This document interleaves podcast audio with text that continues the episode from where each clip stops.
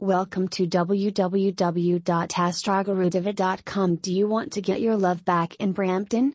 If so, you are not alone. Many people face problems in their love life and want to get their love back in Brampton. But how can you do that? In this blog post, you will learn how to use the power of astrology and Vashikaran to get your love back in Brampton.